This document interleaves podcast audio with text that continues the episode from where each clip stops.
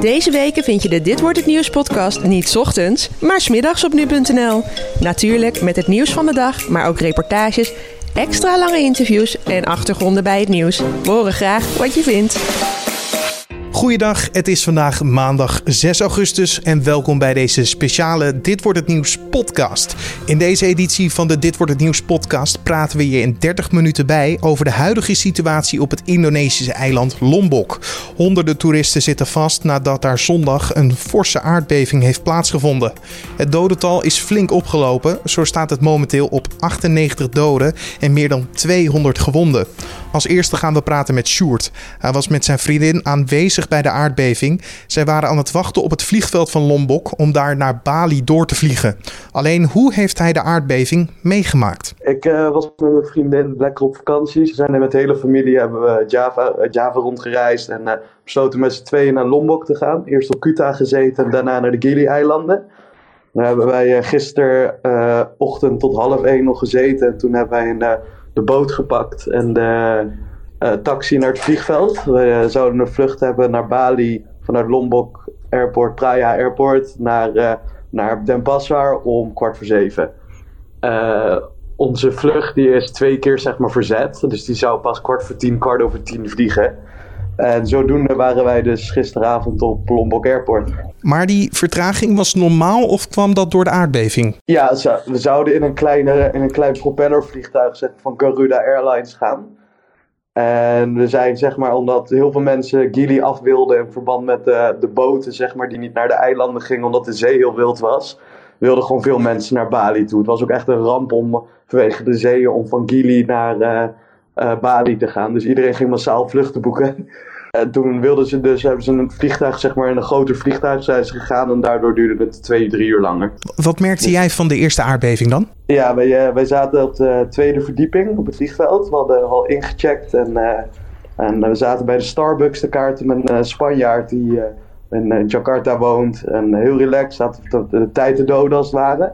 Op een gegeven moment werd het een beetje rumoerig. Het werd gek, een, een heel, heel raar gevoel alles begon te trillen. Dus letterlijk de, de Starbucks merchandise viel om, tafels, stoelen, uh, lampen. En uh, ze hadden daar niet zo'n heel sterk plafond. Dus uh, zeg maar zo'n plafond die je in je schoollokaal had, die je dan, waar je geodriehoeken zeg maar in de, in de plafond kon gooien, weet je wel.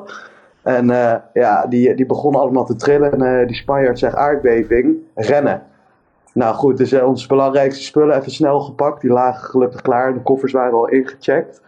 Ja, en toen brak er uh, vooral onder de locals, uh, zeg maar echt de Indische mensen van, uh, die de aardbeving dus mee hebben gemaakt, grote paniek uit. Iedereen, en ik, we schatten het tussen de 400, 450 man begonnen massaal te rennen.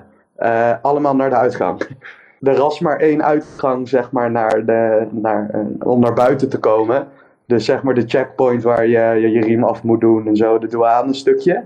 Dus iedereen begon dus uh, te rennen. Echt keihard te rennen. En het was één grote chaos. Dus, uh, dus, je kan het zeg maar inbeelden dat dus 400, 450 man in één keer beginnen te rennen. En te schreeuwen, alles trilt om je heen. Uh, lampen vallen, plafond scheuren in de muur. goed, toen kwamen we allemaal ik denk dat we ongeveer de tweede, misschien derde lichting waren die buiten, buiten zijn gekomen. Want je mocht gelijk weer naar buiten? Nou ja, zelfs de politieagenten en de douanees en iedereen begon te rennen. ja, en toen we aan het rennen waren en we zeg maar in de, in, de, in de rij stonden om dan de vertrekhal in te komen, viel de stroom uit. Nou, echt pikdonker. Iedereen begon te gillen. Dus, uh, en je zag echt niks meer, geen hand voor ogen. Dus snel je telefoonlampje pakken en, uh, en doorlopen. Ja, nou, dus dat was wel echt, dat was wel zeg maar een beetje een eng stuk, maar ook weer heel fijn. Want ik zei tegen mijn vriendin, kijk niet naar het plafond, kijk niet naar de muren. Want die zag je natuurlijk volledig heen en weer gaan. Ja, dat ging alle kanten op, is niet te beschrijven zeg maar. Was het ook de eerste keer dat jij en jouw vriendin in aanraking kwamen met een aardbeving? Ja, correct. Ja, dat was de allereerste keer. En onze familie zit hier op Bali. Bali Shanur, die... Uh, die hebben het hier ook goed gevoeld. Dat was ook een eerste keer, zeg maar, een aardbeving. Wat voelde jij tijdens dit alles? Ja, kijk, ik ben wel zeg maar, een relatief rustig persoon in die zin. Maar omdat je dus iedereen in stress ziet, zeg maar, echte locals, raak je zelf ook in paniek. En als iemand tegen jou zegt die ervaringen heeft met uh, aardbevingen en rennen naar buiten, ja, dan gaat gewoon een instinct naar je boven van I need to get the fuck out of here, zeg maar. Ik moet echt rennen. Ik moet echt voor... En Nou, we waren echt zeggen, ja, dat is zeg maar het gevoel. Je, je instinct komt naar boven van oké, je ziet iedereen om je heen rennen. Die hebben dit vaker meegemaakt. Gaan. En je dacht ook aan je vriendin, zo zeg je. Hoe was zij onder dit alles? Die had ik heel goed vast. Dus die, eh, die, uh, ja, die, die was ook net zo geschrokken als iedereen daar zo. En die had echt, het was echt split second. Zo van, oké, wat gebeurt er? Maar we zijn allebei wel rustig gebleven. En we hebben de situatie gewoon, toen we buiten op het vliegveld stonden, allemaal buiten, hebben we het ook gewoon zijn elkaar wel in de armen gevallen van oké, holy shit, wat was dit? Echt geschrokken, stress, paniek. Maar dat kwam meer door de mensen zelf dan de aardbeving als het ware. Er was ook een tsunami-waarschuwing afgegeven. Kreeg jij dit mee? Deels wel. We hebben eerst nog een best wel flinke naschok gekregen. En toen voelden we, hoorden we echt iedereen gillen en weer het vliegveld uitrennen. Ja, weet je, iedereen gaat zitten speculeren. We hoorden vrij snel, en vanuit Nederland, niet vanuit de Indische autoriteiten zelf, dat het dus eerst een 6,8 was, schaalberichter, toen een 7. Toen die tsunami-waarschuwing. Goed, ik heb een aardig snel internet, dus ik ging kijken op de, op de map, zeg maar, of dat voor ons sprake was. Maar dat was dus totaal niet zo. Maar uh, zeg maar, ik heb het even seismologisch bekeken. En de, berg Renjani zit ertussen. En we zaten flink in het binnenland. Maar heel veel mensen waren er meer mee bezig. Van een vrienden, familie op de Gili-eilanden waren. Of op Bali waren. Daarmee wel. Maar wij wisten ook dat uh, als er een aardbeving plaatsvindt van, als ik het goed zeg, 6,8 of hoger. Is het protocol om een tsunami-waarschuwing af te geven in het land. Gewoon omdat ze 2004 niet meer mee willen maken. Toen de mensen uh, en, en, noem maar op, zeg maar, kleinere aardbeving toch een tsunami hebben veroorzaakt. En ook wel vrij snel was het, wisten we ook wel dat het tsunami-waarschuwing was afgegeven. Of uh, zeg maar, was uh, ingetrokken. Hoe verliep eigenlijk alles na de laatste naschokken? We zaten voor het vlieg, vliegveld, dus echt letterlijk voor de deur in de open lucht. En die, toen werd er omgeroepen. We dachten, oké, okay, eindelijk geeft de Indonesische autoriteiten informatie. Maar dat was gewoon het vrouwtje die omriep dat de, de Lion Air vlucht geland was. En je zag dus allemaal mensen naar buiten komen. Die hadden echt van, wat de fuck is hier gebeurd? en onze vlucht, we hebben onze vlucht in plaats van kwart over tien om half twaalf naar Bali gewoon kunnen pakken. En uh, in die tussentijd zijn de vluchten gewoon met maximaal uur tot anderhalf, twee uur een vertraging gehad. En nu weer bijkomen van alle stress? Nou ja, het was zeg maar meer zo. Wij, wij hebben best veel mensen, zeg maar. We hebben een. Um, toen we daar buiten stonden met al die mensen, hebben mijn vriend en ik besloten om te zeggen: Oké, wij gaan mensen vinden die uh, in dezelfde vlucht zitten als wij zitten. En we gaan samen met een groep staan, maakt niet uit waar ze vandaan komen, dat mensen niet alleen zijn die die vlucht moeten pakken en samen blijven. Toen hebben we een, eh, een, uiteindelijk een groep van twee Zwitserse meisjes, twee Spanjaarden en twee Portugezen gevonden. Die dezelfde vlucht zaten naar Bali en daar, eh, daar hebben we elkaar uh, getroost zeg maar, en gekalmeerd. Want er waren er echt een paar bij die volledig, nou ja, paranoia zou ik net niet zeggen, maar die hadden wel het gevoel dat er elk moment opeens een golf aan zou kunnen komen of dat alles weer zou gaan trillen. Dus je kan wel gewoon weer verder met je vakantie? Ja, nou ja, we zitten op een heerlijk resort in Bali. Dus uh, uh, het, was, het was een korte nacht en het is, ja, nee, kijk, het is gebeurd. Uh, je kunt het niet meer terughalen, het is wel heel erg. We vermijden wel het nieuws een beetje qua doden en video's en foto's, zeg maar, van, van de getroffen gebieden. En, maar ja, we gaan gewoon lekker relaxen, lekker uit eten, lekker een barretje pakken vanavond. En uh, ik laat mijn vakantie er niet door uh, meer door, niet echt door beïnvloeden of zo. Je ontwijkt het omdat je anders denkt, dit hadden wij kunnen zijn? Moet ik het zo zien? nee, nee, nee, nee. Dat niet echt niet zodoende van. Ja, ik weet het niet zo goed hoe ik dat moet uitleggen. Het is gewoon, ja, weet je, we zijn nu hier. We zijn in ieder geval gewoon blij dat we hier daar weg zijn. En laten we gewoon, gewoon proberen nog te genieten van onze vakantie. En het zou echt doodzonde zijn om, om nou een vlucht naar huis te pakken of de hele tijd verdrietig blijven of angstig blijven. Het is, het is nee, we laten ons niet uh, door gek maken. Het grote kwaad in dit alles is dus die aardbeving geweest. Alleen hoe is die ontstaan en hoe werken aardbevingen in het algemeen? Ik ging vandaag langs bij seismoloog Barend Dost van het KNMI. En hij kan mij alles vertellen over aardbevingen. Nou, een aardbeving is eigenlijk niks anders dan een plotselinge verplaatsing eh, van materiaal uh, in de ondergrond. En dat kan allerlei oorzaken hebben. Op een gegeven moment, door natuurlijke bewegingen, eh, raakt de spanning in de ondergrond op een bepaalde plek zo groot dat eigenlijk er een breuk begint te ontstaan. En dan gaat er, wordt er een schoksgewijze beweging in de ondergrond wordt daardoor uh, veroorzaakt. En dat is een aardbeving. Is er altijd dezelfde oorzaak wel te bedenken door schokplaten die tegen elkaar gaan? Of zijn er altijd wel verschillen in te vinden? Nou, er zijn uh, grote verschillen. Hè. Dat, uh, eigenlijk het, het meest algemeen is dat de aarde is niet één vast deel, maar het zijn platen die ten opzichte van elkaar bewegen. Nou, daar is altijd wel al heel veel aandacht voor geweest. En vooral Indonesië is natuurlijk een plek waar uh, eigenlijk alle bewegingen van de aardbevingen uh, direct of indirect veroorzaakt worden door die plaatbeweging. Uh, Indonesië is een groot gebied waarin de ene plaat onder de andere, de Australische plaat onder de Sunda-plaat beweegt. In, uh, ja, in dat gebied is dat de drijvende kracht. Uh, bij andere gebieden ligt het uh, vaak wat subtieler. Zeker als je wat verder weg bent van zo'n subductiezone, van waar platen elkaar met elkaar botsen of onder elkaar schieten. dan kan je meestal wat andere oorzaken hebben. Maar het komt altijd neer op dat er uh, spanning opgebouwd wordt door continue beweging. En als die spanning te groot wordt, ja, dan wordt er, komt er ineens een schok. Dan schokt het materiaal langs elkaar ineens. Uh, uh, en dat is een aardbeving. Ja, en dat hangt natuurlijk ook van de regio vanaf. Hoe, hoe weten wij welke regio het meest aardbevinggevoelig is? Nou, dat meten we natuurlijk door aardbevingen. We hebben zeker tegenwoordig hebben we een zeer uitgebreid netwerk. Uh, alle landen hebben wel een seismologisch netwerk om aardbevingen te kunnen, te kunnen registreren.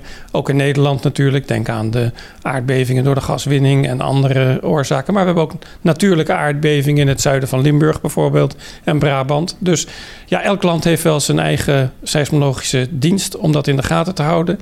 En we hebben ook wereldwijd uh, uitwisseling van de data, zodat iedereen eigenlijk over de hele wereld van de meeste data gebruik kan maken. Ja, zijn er bijvoorbeeld regio's in de wereld die echt aardbevinggevoelig zijn, zoals Indonesië misschien? Ja, nou, Indonesië is natuurlijk uh, direct een, een, een, voorbeeld van een van de meest actieve gebieden.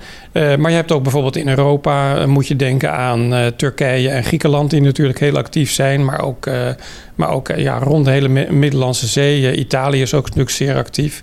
Dus je, kan, je hoeft het niet zo ver te vinden um, te, te zoeken. Maar ook bijvoorbeeld grote uh, aardbevingen kunnen in het zuiden van eh, Amerika plaatsvinden, langs de westkust voornamelijk.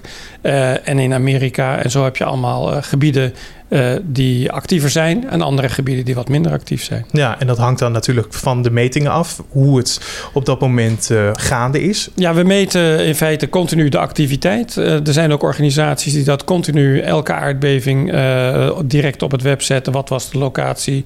Hoe groot was hij? En uh, dat kan je dan uh, ook direct downloaden, zodat je ook je eigen plaatjes kan maken voor je eigen gebied.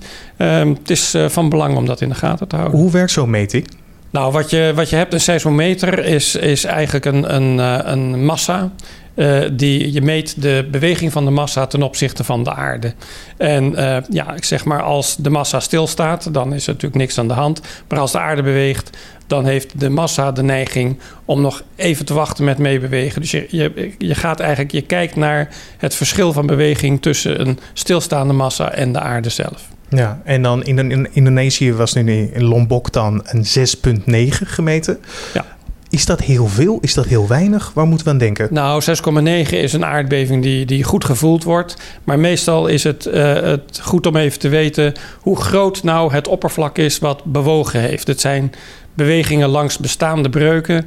En als je nou een magnitude 7 hebt, dan moet je typisch denken aan een, uh, aan een stuk van ongeveer 100 kilometer lang en ongeveer 30 kilometer diep, uh, waar ongeveer een meter beweging uh, in één klap, dat dat hele stuk over dat hele breukvlak een meter verschuift. Ja, en uiteindelijk komt dan die meting daarvan uit, van 6,9 inderdaad. Is dit gebruikelijk voor Indonesië? Ja, in Indonesië komen veel zware aardbevingen voor. Ook veel. Precies, uh, want het is een, het is een aardbevinggevoelig uh, land, uh, ja. regio. Maar ook van zware aardbevingen of vooral kleintjes? Nou, het is, het is, Indonesië is, is, bij uitstek een gebied waar heel veel, al relatief veel grote aardbevingen kunnen plaatsvinden. We hebben in 2004 hebben we magnitude boven de 9 gehad in Sumatra. Maar ook in, uh, uh, ja, zeg maar gemiddeld in de, eens in de 20, 30, 40 jaar komt er wel een magnitude 8 tot 9 komt er voor. Nou, dat, uh, dat is iets wat, uh, wat in Europa bijvoorbeeld uh, niet op met zo'n. niet, niet, niet eens in de 20, 30 jaar, maar meer eens in de 100 of paar honderd jaar zou kunnen plaatsvinden. Dus zo zie je al dat zo'n gebied in Indonesië eigenlijk ook relatief meer grote bevingen uh, dat, dat daar kunnen plaatsvinden. Uh, soortgelijk als met Japan. Ook Japan kan regelmatig magnitude tussen 8 uh, of boven de 8 laten zien. Mm -hmm. En dat hebben we ook in het recente verleden hebben we dat duidelijk gemerkt. Als we het naar de Nederlandse kant vergelijken. U had al Groningen als voorbeeld gegeven. Waar moeten we dan denken? Aan welke meting? Nou, bij Groningen hebben we eigenlijk de zwaarste aardbeving is een 3,6. Oké. Okay. Maar het is altijd moeilijk te vergelijken, want kijk, die 3,6 die was heel ondiep op 3 kilometer. Terwijl uh, we nu bijvoorbeeld in Indonesië zien dat die aardbevingen op zo 10 tot 20 kilometer zitten. En naarmate ze dieper zitten, uh, betekent dat de energie over een veel groter stuk verspreid wordt. En dat betekent dat je het uh, minder heftig voelt aan het oppervlak, maar wel over een veel groter gebied. Dus alleen de kracht van de aardbeving in termen van de magnitude zegt niet veel. Je moet ook de diepte erbij betrekken en ja, hoeveel woningen uh, of andere structuren erboven staan waar mogelijk uh, uh, schade kan, kan optreden. Nou, dus dun bezaaid qua inwoners is gelijk ook een hele andere meting als je kijkt naar de daadwerkelijke schade. Ja, dat is een andere impact die je hebt aan het oppervlak. Uh, als er niemand woont, dan, uh, dan zal er ook geen uh, noemenswaardige schade zijn. Nee.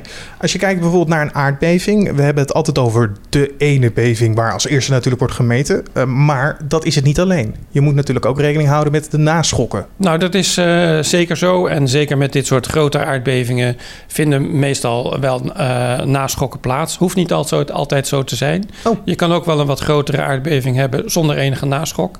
dus het is net die naschokken die zijn bedoeld om uh, als de door uh, de aardbeving de spanning verandert in de ondergrond. Dat betekent dat er het stukje wat verschoven is, dat er minder spanning komt. Uh, als dat, dat voldoende is om alle spanning eigenlijk direct weg te nemen, dan hoeven er geen naschokken te zijn. Maar als het vlak groot genoeg is dat niet overal de spanning weg is, dan krijg je dat de kleine naschokken zorgen voor dat de restanten op dat grote breukvlak ook de hun spanning verliezen. Oh, dat, ik dacht altijd dat het, dat is misschien mijn vertaling daarvan, ik dacht altijd dat het een soort van oceaan was. Weet je, eerst de grote, de grote golf die langskomt en dan wat kleinere golfjes die erna komen, maar die komen altijd. Maar u zegt, nee, dat hoeft dus niet altijd zo te zijn. Nee, dat hoeft niet altijd. Als in één klap de spanning eraf is. En een voorbeeld, we hadden uh, in 2011 net over de grens met Duitsland hadden we uh, een aardbeving.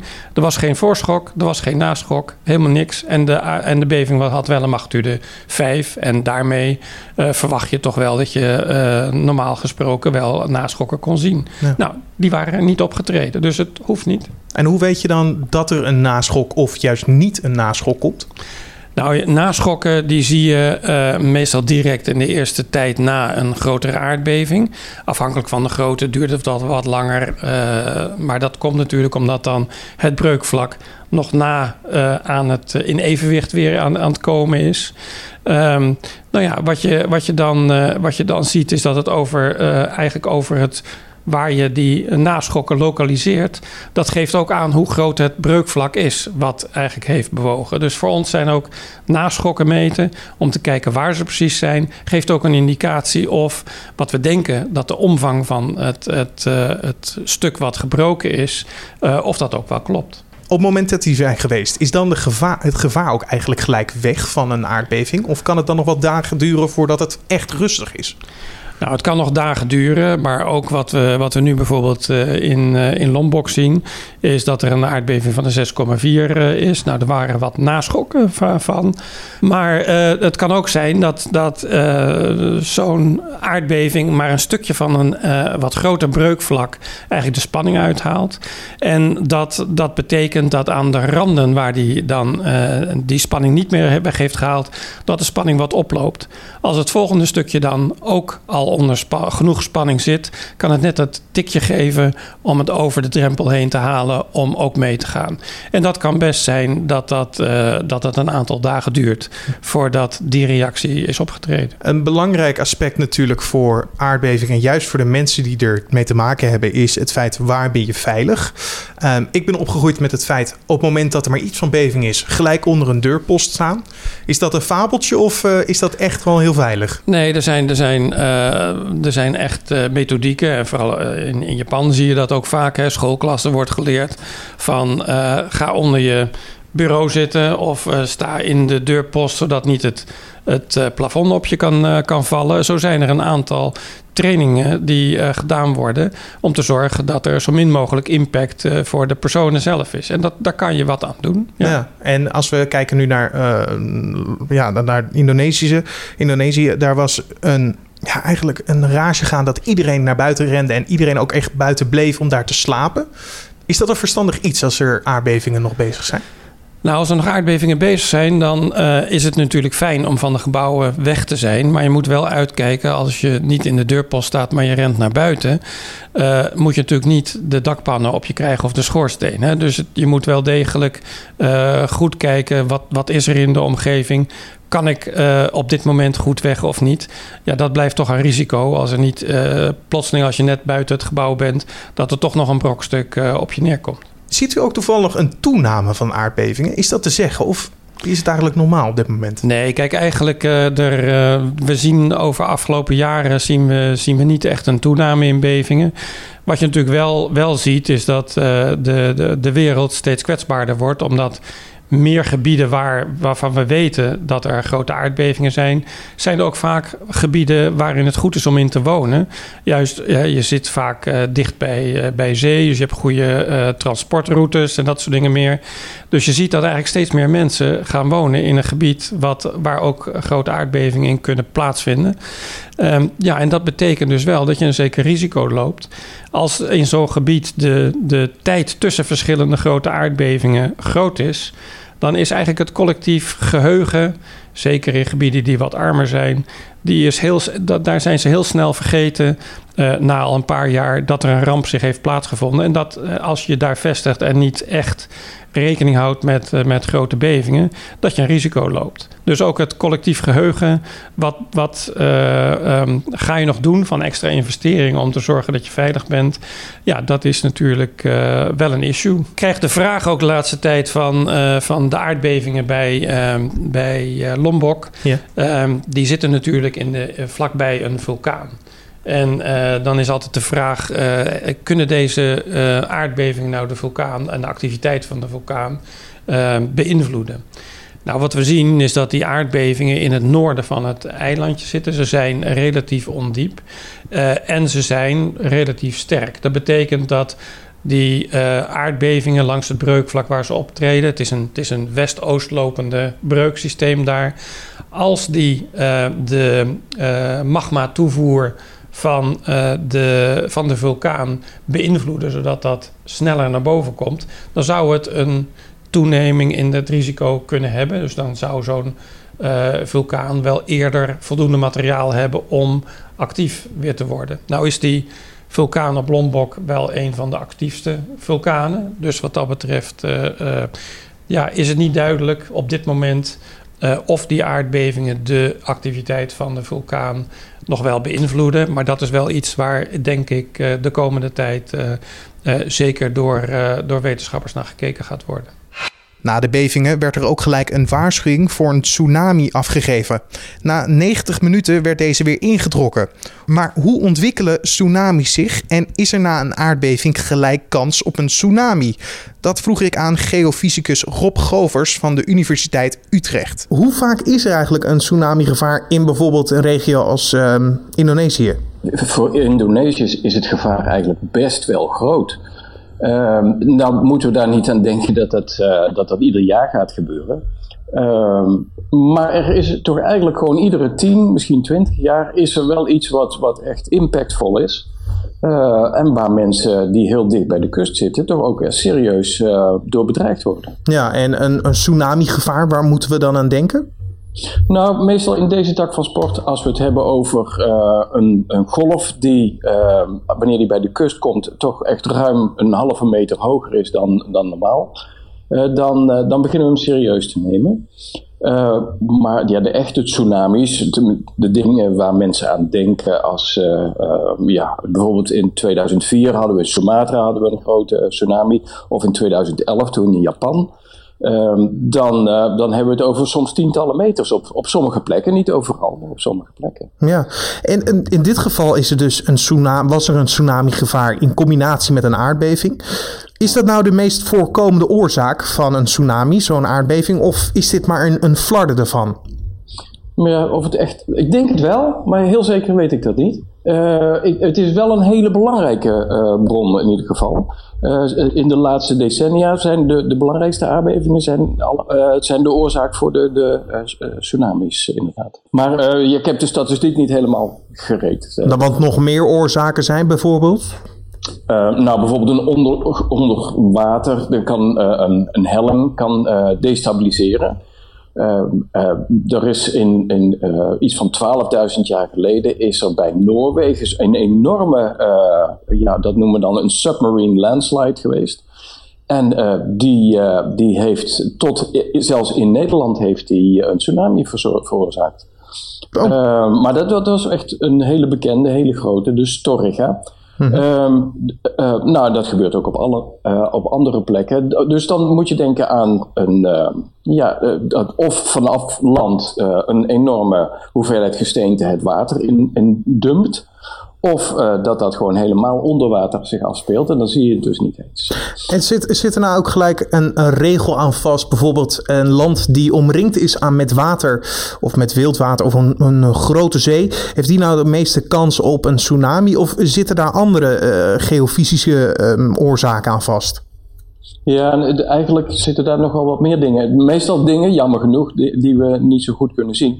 Uh, bijvoorbeeld, laten we het eens even bij ne Nederland houden. Uh, Nederland uh, heeft een vrij lange kust, dat weten we allemaal. Mm-hmm. Maar desondanks is het risico voor uh, de Nederlandse kust is behoorlijk laag. En dat komt omdat de Noordzee is eigenlijk gewoon maar een redelijk ondiepe zee. Dus eventuele tsunamigolven die ergens anders vandaan komen, die worden in die ondiepe zee worden die vertraagd en die uh, worden al gedempt en die bereiken meestal uh, de kust als ze al lang ongevaarlijk zijn geworden.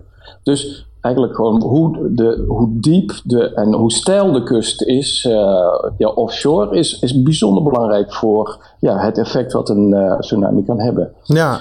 natuurlijk, het andere is, dat is heel belangrijk, is wel, uh, ja, als je de bronnen hebt voor de tsunami, direct voor de kust, ja, dan, dan ben je al gauw bij het haasje, uh, laat ik het maar zo zeggen. En er zit ook gelijk aan vast, je hebt de tsunami aan zich, maar de waarschuwing gaat er natuurlijk aan vooraf. Um, hoe zit dat met die waarschuwingen voor tsunamis? Zijn daar be bepaalde regels voor? Of hoe wordt er gemeten bijvoorbeeld dat er een tsunami aankomt? Ja, nou, er wordt, dat is een, een redelijk duur systeem, maar dat werkt wel behoorlijk goed. Uh, en dat werkt met boeien. En uh, die boeien, die, uh, daaronder hangen eigenlijk drukmeters. En die zijn uh, in staat om vrij kleine variaties in het zeespiegeloppervlak te registreren. Dan neemt gewoon als zo'n golf voorbij komt, neemt de, neemt de druk wat toe.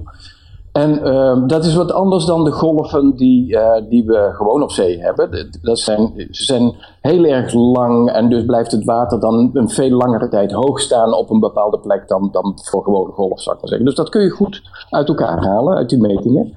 Uh, en die boeien die ja, op, liggen op open zee. En zodoende kun je dan uh, die, die registraties worden snel eh, geanalyseerd. En dan kun je op grond daarvan kun je zeggen, nou, er, komt een uh, tsunami-golf komt eraan. Is dat dan redelijk accuraat? Want in dit geval in, dat, in, Lombok is er dan een waarschuwing afgegeven en daarna werd die weer ingetrokken. Um, hoe accuraat is dat systeem dan?